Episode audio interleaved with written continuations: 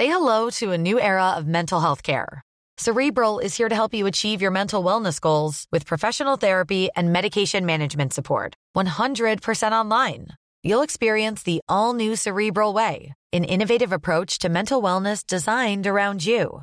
You'll get a personalized treatment plan from a therapist, prescriber, or both in a safe and judgment free space. Your cerebral therapist or prescriber will outline a customized plan with clear milestones along the way so you can get to feeling your best. With Cerebral, you're not alone in your mental health journey. We're here to empower you to live a fulfilling life. So take that first step towards a brighter future and sign up today at cerebral.com slash podcast and use code ACAST to get 15% off your first month. Offer only valid on monthly plans. Other exclusions may apply. Offer ends July 31st, 2024. See site for details. Ryan Reynolds here from Mint Mobile. With the price of just about everything going up during inflation, we thought we'd bring our prices down. So to help us, we brought in a reverse auctioneer, which is apparently a thing.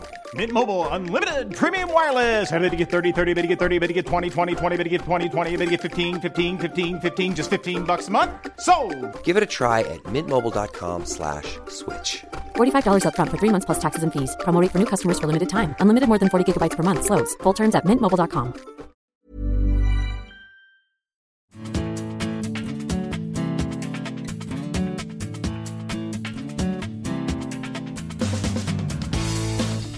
Hjertelig velkommen til en eh, ny utgave av Aftenpodden Sport. Eh, takk for at du har tunet inn og hører på. I dag kommer vi til å vie mesteparten av din dyrebare tid til eh, fotballandslaget. For det er en fryktelig spennende uke vi tar fatt på nå, Lars Jernås.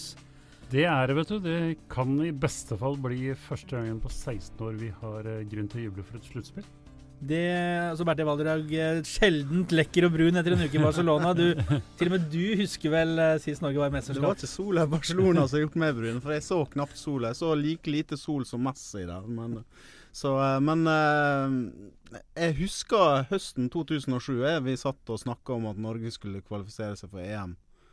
Og så skåra jo til og med Panser med brassespark. Altså Da var Gud norsk da han klarte det.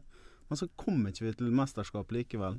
Så jeg håper at eh, Jeg håper det går bedre denne høsten her.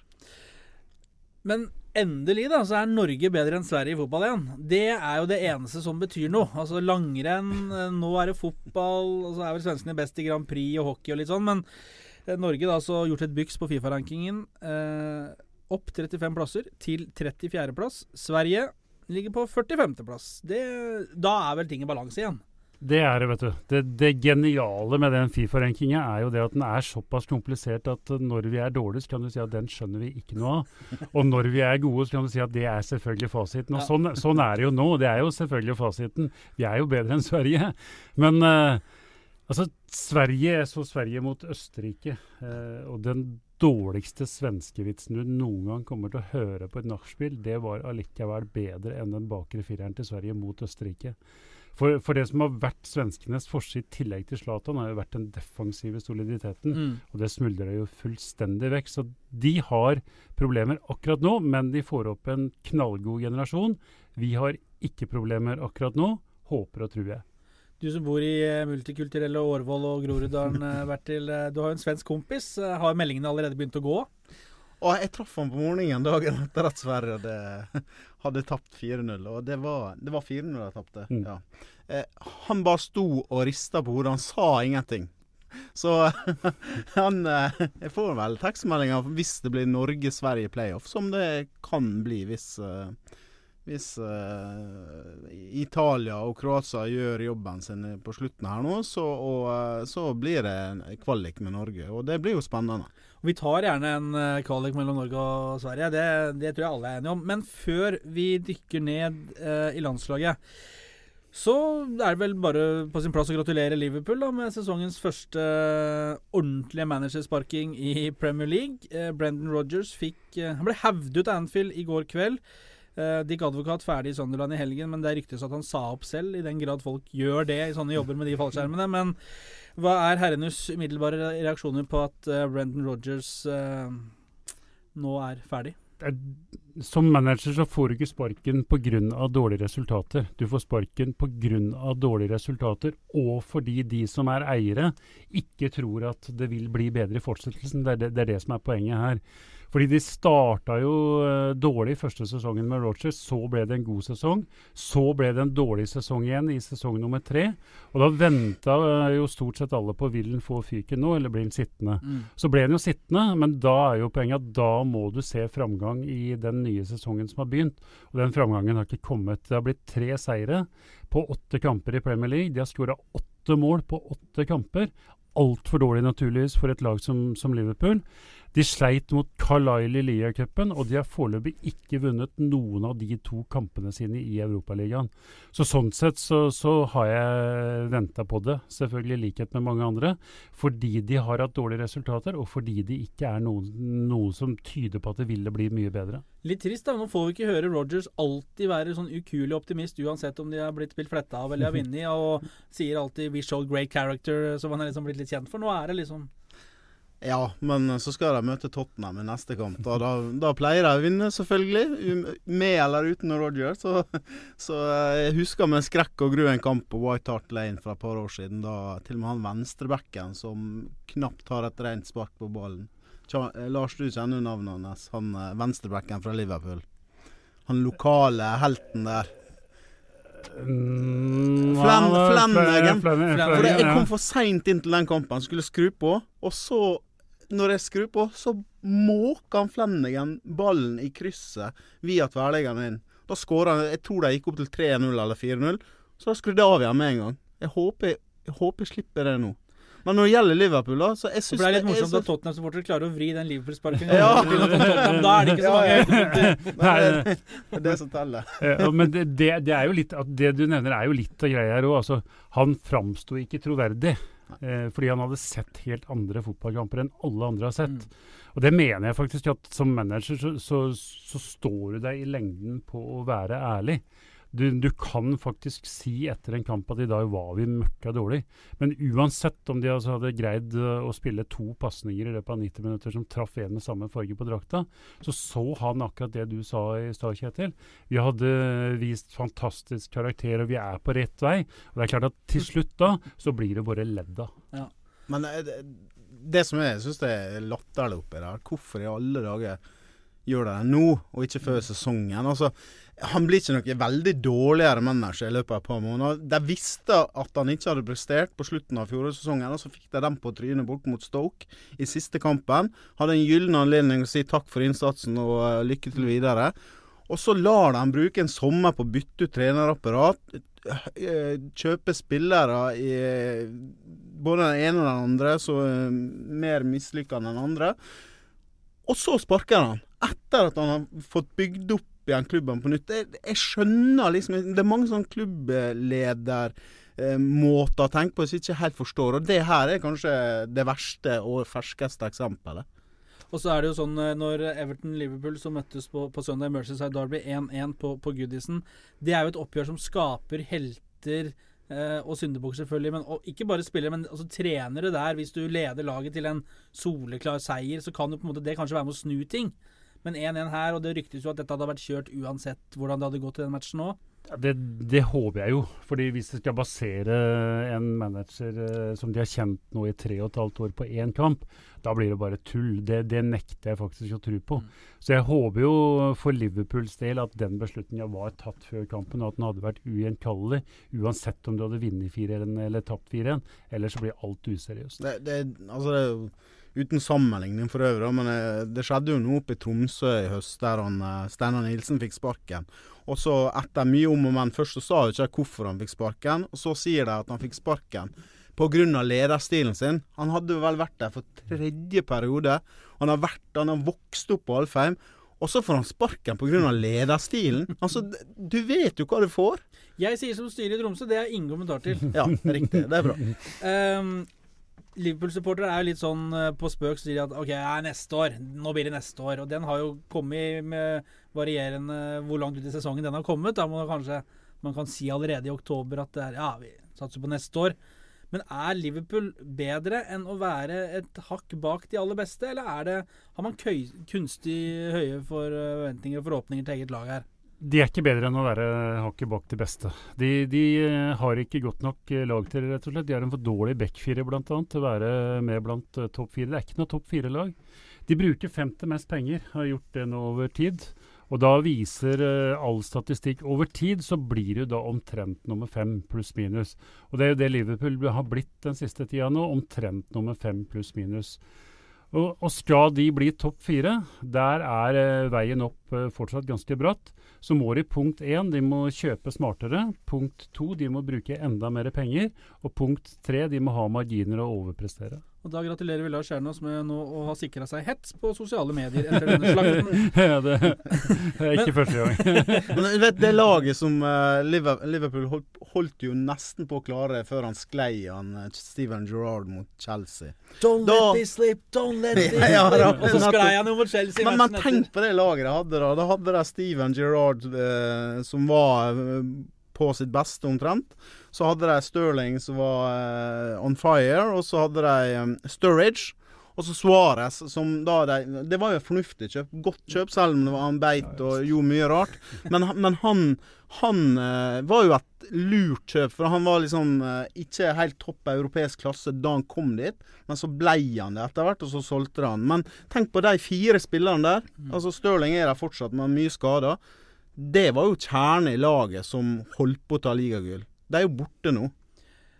Morsomt at du sier det, fordi jeg bare ser på statistikken til Liverpool under Rogers. 2012-2013 som første sesongen. Da ble det nummer 7, 28 poeng bak Manchester United.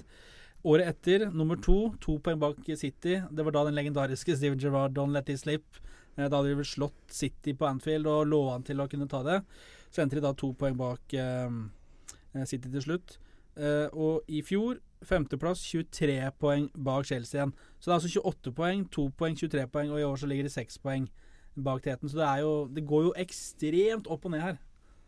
Ja, det, det, gjør det. Og det er litt det jeg mente med, med det jeg sa i stad også. At de rykka tilbake til start, mm. og så har de ikke greid å ta sats igjen den sesongen her.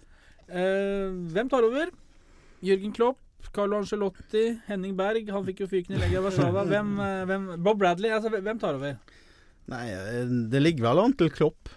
Uh, og så blir jo utfordringen hans da den såkalte transfer-komiteen. da Og Lars uh, jobber jo litt for Brann med å, se på spillere og sånt. Og, og, hvis det er sånn at det er manageren ikke skal få lov å ha siste ord på hvem som skal kjøpes og hvem som skal selges, da er det vanskelig å være sjef, altså. Og sånn har jeg forstått den transfer-komiteen uh, i Liverpool, så uh, har jo ikke han alltid hatt siste ordet når det gjelder uh, hvem som skal kjøpes og selges. Så det blir vanskelig å drive butikker på den måten der.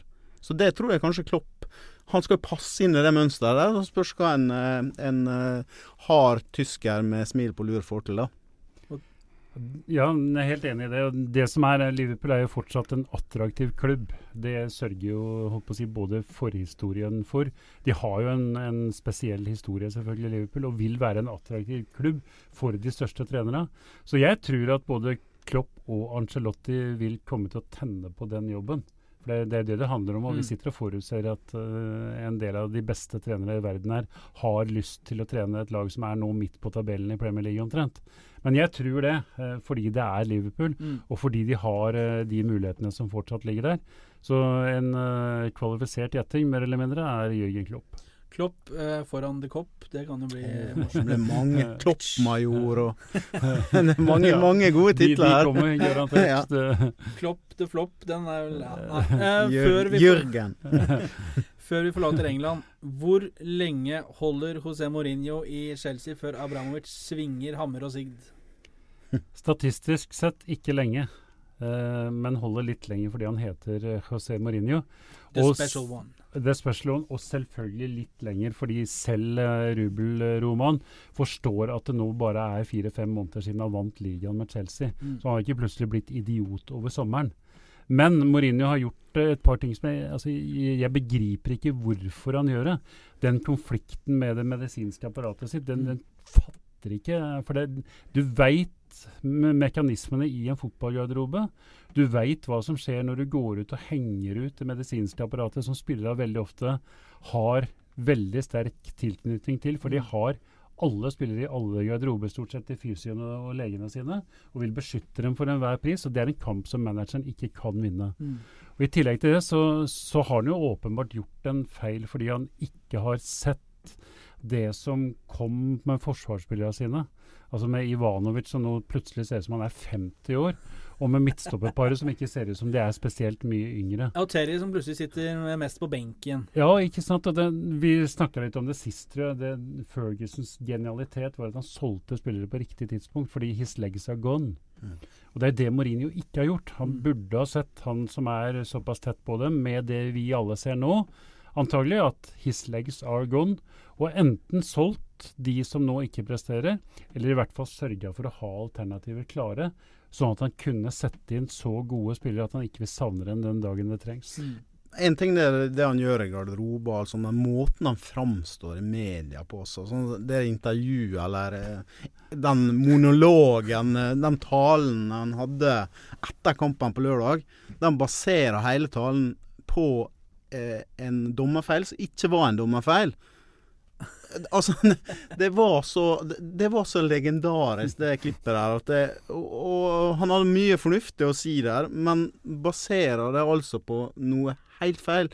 For han Falcao prøvde å filme seg til straffespark. Ja. Og det er klart at når en så stor klubb ikke har et apparat som kan fortelle han på forhånd før han går inn til U-sona, det der var ikke straffespark så blir det så dumt. Han, han ser ut som han har mista det helt. Men nå, hvem skal si til han at nå skal du ikke henge deg opp i sånne idiotiske ting? Altså, dette er en fyr som skjeller ut eh, det medisinske apparatet for å gå ut på banen og gjøre jobben sin en spiller ligger nede. Hvem, skal, hvem, skal, si til at nå holder du smella om det, altså for å fokusere? Altså, hvem tør å gjøre det? The special one, the angry one, the beautiful one. Han er alt sammen. Men det som han har, i likhet med alle andre sånne store managere, de er verdens dårligste tapere. Og nå taper han fotballkamper. Han er ikke så vant med det. Husker han, husker han holdt på med sånne konspirasjonsteorier i Real Madrid? Det var akkurat samme greia. Å klare alltid å få fokus over på andre ting. Det gjør han sikkert helt bevisst. Altså, men han klarer å stå der og si at dommeren er mot oss og alt mulig. Jeg husker første halvtime av den kampen på lørdag mot uh, Southampton. Southampton ble snytt for straffespark, og han fikk gul kort på filming for noe som ikke var filming. Eh, han spissen til Southampton. Det er bare å overse den glatt. Så jeg syns jo egentlig Jeg tenker at en halvtime her er mye hjemmedømming. Så klarer han å stå og si etterpå at det her er Alle er mot oss, og verden er mot oss. Det blir, det blir tøv, altså. Uh, press og trøkk på trenerne i England, men det var litt press og trøkk rundt Norges landslagssjef Per-Mathias Høgmo også, før de to forrige landskampene mot Bulgaria og Kroatia. Ble slakta av Kroatia borte. 0-0 eh, hjemme mot stormakten Aserbajdsjan på Ullevål. Men nå har vekkelsesmøtene til Per Masias nådd frem til spillerne. Hva har skjedd? Vi skal jo til EM! Vi kan jo bli EM-klare på lørdag kveld! Ja, skal, han har blitt uh, pragmatisk. Uh, hvis jeg bare fikk lov til å bruke én setning, så ville jeg sagt det. Han har kastet, ikke kasta, men han har, uh, han har, sett litt mindre på spillestilen sin. Og så har han sett litt mer på det, det som ligger nivået under spillestil, altså kampstrategi. Eh, og da kommer jeg alltid tilbake igjen til Joe Hooley eh, og noe han sa en gang for 100 år siden. Football is about one thing, what's gonna pay. Og det er det Høgmo nå har uh, skjønt. Det handler ikke om stil, det handler om én ting. Hva er det som betaler seg? Og Det betyr at han tok litt mindre risiko enn han har gjort før, både med ball og uten ball, mot Bulgaria og Kroatia. De spilte litt enklere, spilte litt mer direkte, og så fikk de betalt for det. Og så kommer de helt garantert til å fortsette å gjøre det, både mot Malta og Italia, fordi det lønner seg. Og så har de også Jeg mener det som skiller kanskje Norge, nye Norge fra gamle Norge, det var da de leda mot uh, Bulgaria og mot uh, Kroatia. så kunne de ha ballen i lag og hvile litt med dem, istedenfor å drive og jage. og det det har jo han brukt nå to år på å bygge opp, slik at de har et spillemønster og tørre å holde ballen i lag. Og ha spilleren til å tro på at vi kan gjøre det. Når du da har fått ledelsen, og motstanderen må nødt til å begynne å jage. Og, og, og, det som var veldig gøy med de kampene mot Bulgaria og Kroatia, det var jo at Norge styrte jo da de leda òg. Istedenfor å legge seg bakpå og nå kommer motstanderen og skal jage i mål, så jager Norge nummer, eh, nummer da mot Kroatia Nei, nummer tre mot Kroatia og nummer to mot eh, Bulgaria. Og det var gøy å se. Så Men håper vi får se mer av det nå. Men jeg må bare gjenta, for nå ble dere veldig seriøse, men jeg bare gjenta det jeg sa innledningsvis der. Norge kan bli klare for EM på lørdag kveld. Det er jo helt sjukt! Forklar en enkel gutt fra Ja, landet hvor, Det er jo hvordan så det er enkelt. mulig Det er jo så starten. enkelt. Det er jo så enkelt. Vinner Norge mot Malta, eh, kampstart klokka seks, og Bulgaria avgir poeng ja. Nei, eh, Kroatia avgir poeng mot Bulgaria, så er Norge klar for EM. Fordi eh, vi er to poeng foran. eh, Egentlig bare ett, men Kroatia mister et poeng. Da er vi, eh, da er vi klar for EM. eh, Men det er klart, det, det, det my, mange baller skal rulle riktig vei for at det skal skje. Mer sannsynlig er jo at det blir avgjort på tirsdagskvelden i, på Olympiastadion. Vi skal ha fest lørdag kveld i Oslo. Punktum. Dere er begge Vi, vi la jo ikke sånne ting som at vi trenger å være klare, eh, være noe hinder for at uh, vi kan arrangere fest. Vi, Det- det enig i. 1994, da vi gikk til VM da, så var vi jo ikke klare etter den hjemmekampen hvor Drillo og Jostein Flo og hele gjengen kjørte hesten med karjol ned på, ned på eh, Karl Johan. adresseboksen, og det var Vi måtte fortsatt ha poeng på steder vi aldri hadde tatt poeng før, altså i Polen eller Tyrkia borte, for å være klare for VM. Men hva gjorde Ola Nordmann? Jo, han lagde fest på Karl Johan. Så vi trenger ikke være klare på lørdag for å lage fest på Karl Da Johan. Det, det, er en dårlig, det er en dårlig unnskyldning. Kjernås, Valderhaug og Flygen arrangerer vorspiel fra klokka ja, åtte, da. Vi Vi skal jo av gårde til uh, Italia på søndag, da. Så vi Men, må jo men dere er jo da altså, begge så gamle at dere husker jo sist gang Norge var i et mesterskap. Ja. Uh, Sånn var det, ja? Jeg satt jo der da han gikk ned på kne, Nils Johan Semb i eh, Arnhem, var det vel? Etter 0-0 mot Slovenia. Kanskje den dårligste kampen i EM-historien. Uh, og eh, Spania eh, snudde jo veldig mot Jugoslavia og fikk de målene de trengte. Så det, da var jeg Og jeg tenkte ikke ett sekund da på at dette her kommer til å være siste gangen på mange herrens år Norge var et mesterskap. For vi var vant med det, og Norge lå jo høyt i europeisk uh, fotball på den tida.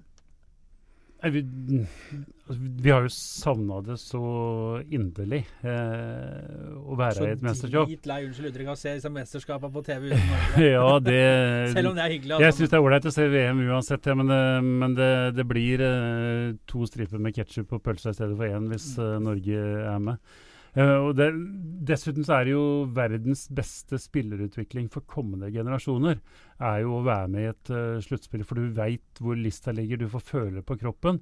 Og det er hundre ganger å snakke om det. Det går ikke an å snakke om hva som skjer i et sluttspill i EM eller VM. Du må oppleve det sjøl. Det er da du først lærer. Og Grunnen til at vi kom til VM i 98 og EM i 2000, var jo at vi brøyt den barriera i 94.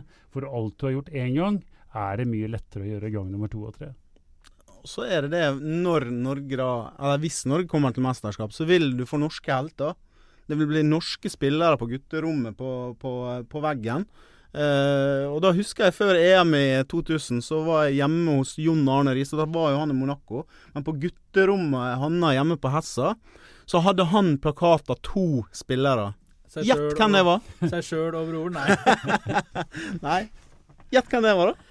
Det var altså Rune Bratseth. Nei, det var Bent Skammalsrud og Gøran Sørloth. Det var de som var på gutterommet hans. Og Vanskelig tenk quiz, nå, da. nå er det bo- Ja, ja, ja, men, men, men nå blir det bort med Nå blir det bort med Messi og bort med Ronaldo. Opp med Ødegaard, Stefan Johansen, Joshua King, Alexander Søderlund, Pål André Helland. Kom igjen, få frem de norske heltene. Det trenger vi. Jon Arne avslørt som skaptrønder. Det er dagens uh, store bombe i podkasten. Ja, Twitterstorm i Ja, her nå. Um, men uh, Høgmo oppi dette her, da. Altså Han tok over uh, 27.9.2013. Kom inn i jobben uh, med 3-0-tap borte mot Slovenia. Drillo ble parkert. Sprettball på pressekonferansen før Island-matchen som sikra dem playoff 3-1 på Ullevål, hvor vi skulle illustrere hvor raskt man eh, hvor viktig det er å komme raskt opp igjen hvis man, har, hvis man har gått ned. Og det var nye ord og uttrykk, det var dikt, og det var altså Det var veldig mye staffasje, og så var det ikke resultater. Men så plutselig så skjedde det et eller annet med forhen eh, i Bulgaria og to ganger Berget mot Kroatia. Plutselig så er vi i den posisjonen. Er det tilfeldigheter, eller Ja, er men det det er, liksom, eh, det, det er jo ikke plutselig. For Norge hadde en god periode i fjor høst, og det er så veldig lett å glemme. Fordi, Jo, jo, men fordi- likevel, vi lå ikke akkurat Vi lå ikke, altså, vi Ja. lå ikke på solsenga nede i Frankrike. Nei, men det var litt sånn eh, god stemning i fjor høst etter seier, seirene på høsten. Og så fikk jo den nedturen i vår borte mot Kroatia. Tapte fem, men det var jo veldig flatterende resultat for Kroatia, det.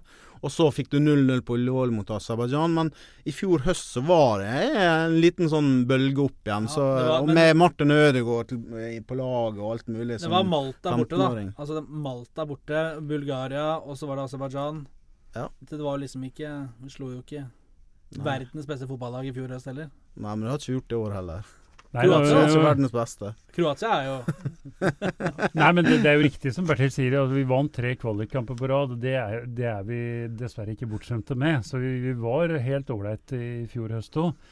Men det som Høgmo fortjener honnør for, syns jeg, det er at han beholdt den optimismen sin utad og energien sin.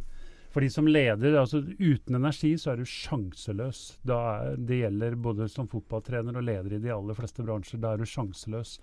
Og den energien og den troa på prosjektet han har utstrålt, også når det butta litt, den har vært viktig for den oppturen som kom. Og det er jo veldig lett å unne han å, å lage de to siste oppturene. Og så veit vi jo at fotball er ferskvare. Det har blitt en sann klisjé.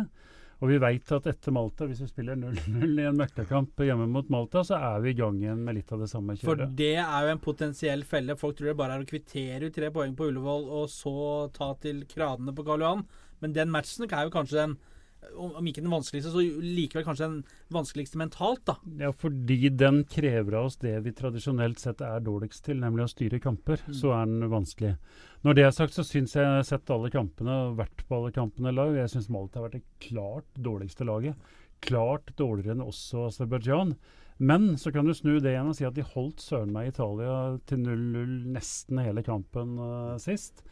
Og det viser jo litt av det som er skummelt her, at avstanden mellom de dårligste laga og resten, den har blitt mye mindre enn den var for noen år siden.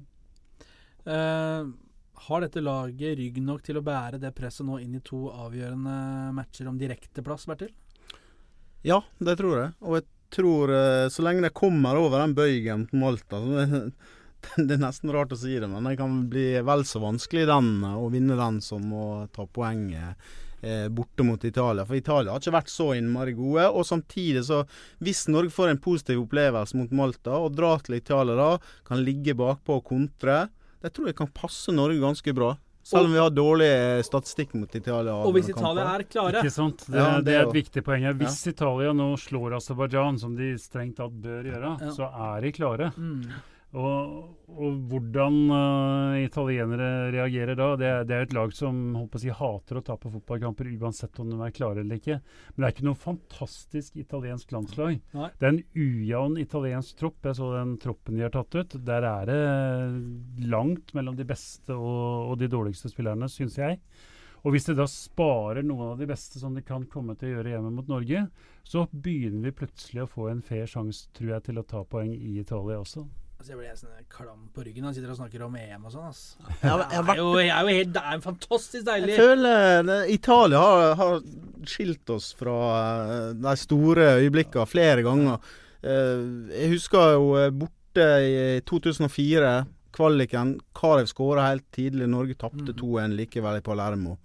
Eh, Så hadde VM i 98, da Vieri skåra løp fra eh, Dan Eggen i, i åttendedelsfinalen, var det? Ja. Mhm.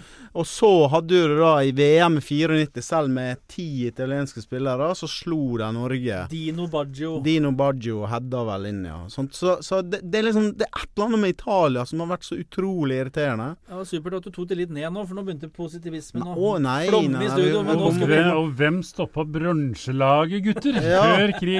Jo det- da, selvfølgelig Italia. Og så hadde du Silvio, Ja, vi var der. Silvio Fauner på, eh, på Lillehammer. Ja. Silvio Fauner knuste jo eh, Bjørn Dæhlie på oppløpet og sånt. Det er et eller annet med Italia. Vi har noe Men så tok jo Alsgaard Sorci der, da. eh, Ja. Så vi har jo liksom Men vi har noe uoppgjort. Ja, Men det var ikke OL på hjemmebane. Det er noe Nei, spesielt med det. Ja, sorry. Eh, men da er vi enige om at uh, Malta blir en utfordring, og Italia er mulig å slå. Og at uansett skal vi feste på lørdag, Lars. Det var for det som var min Det var viktigste konklusjonen kanskje i dag. Selvfølgelig er det viktigste. Hvem skal spille for Norge på Ullevål på lørdag klokka seks? Bertil Valderhaug, få Det er i hvert fall elleve. én ting jeg er ganske klar på når det gjelder det laget. Uh, Ørjan Hårskjold Nyland må stå den kampen. Han har holdt nullen i fire kamper på rad.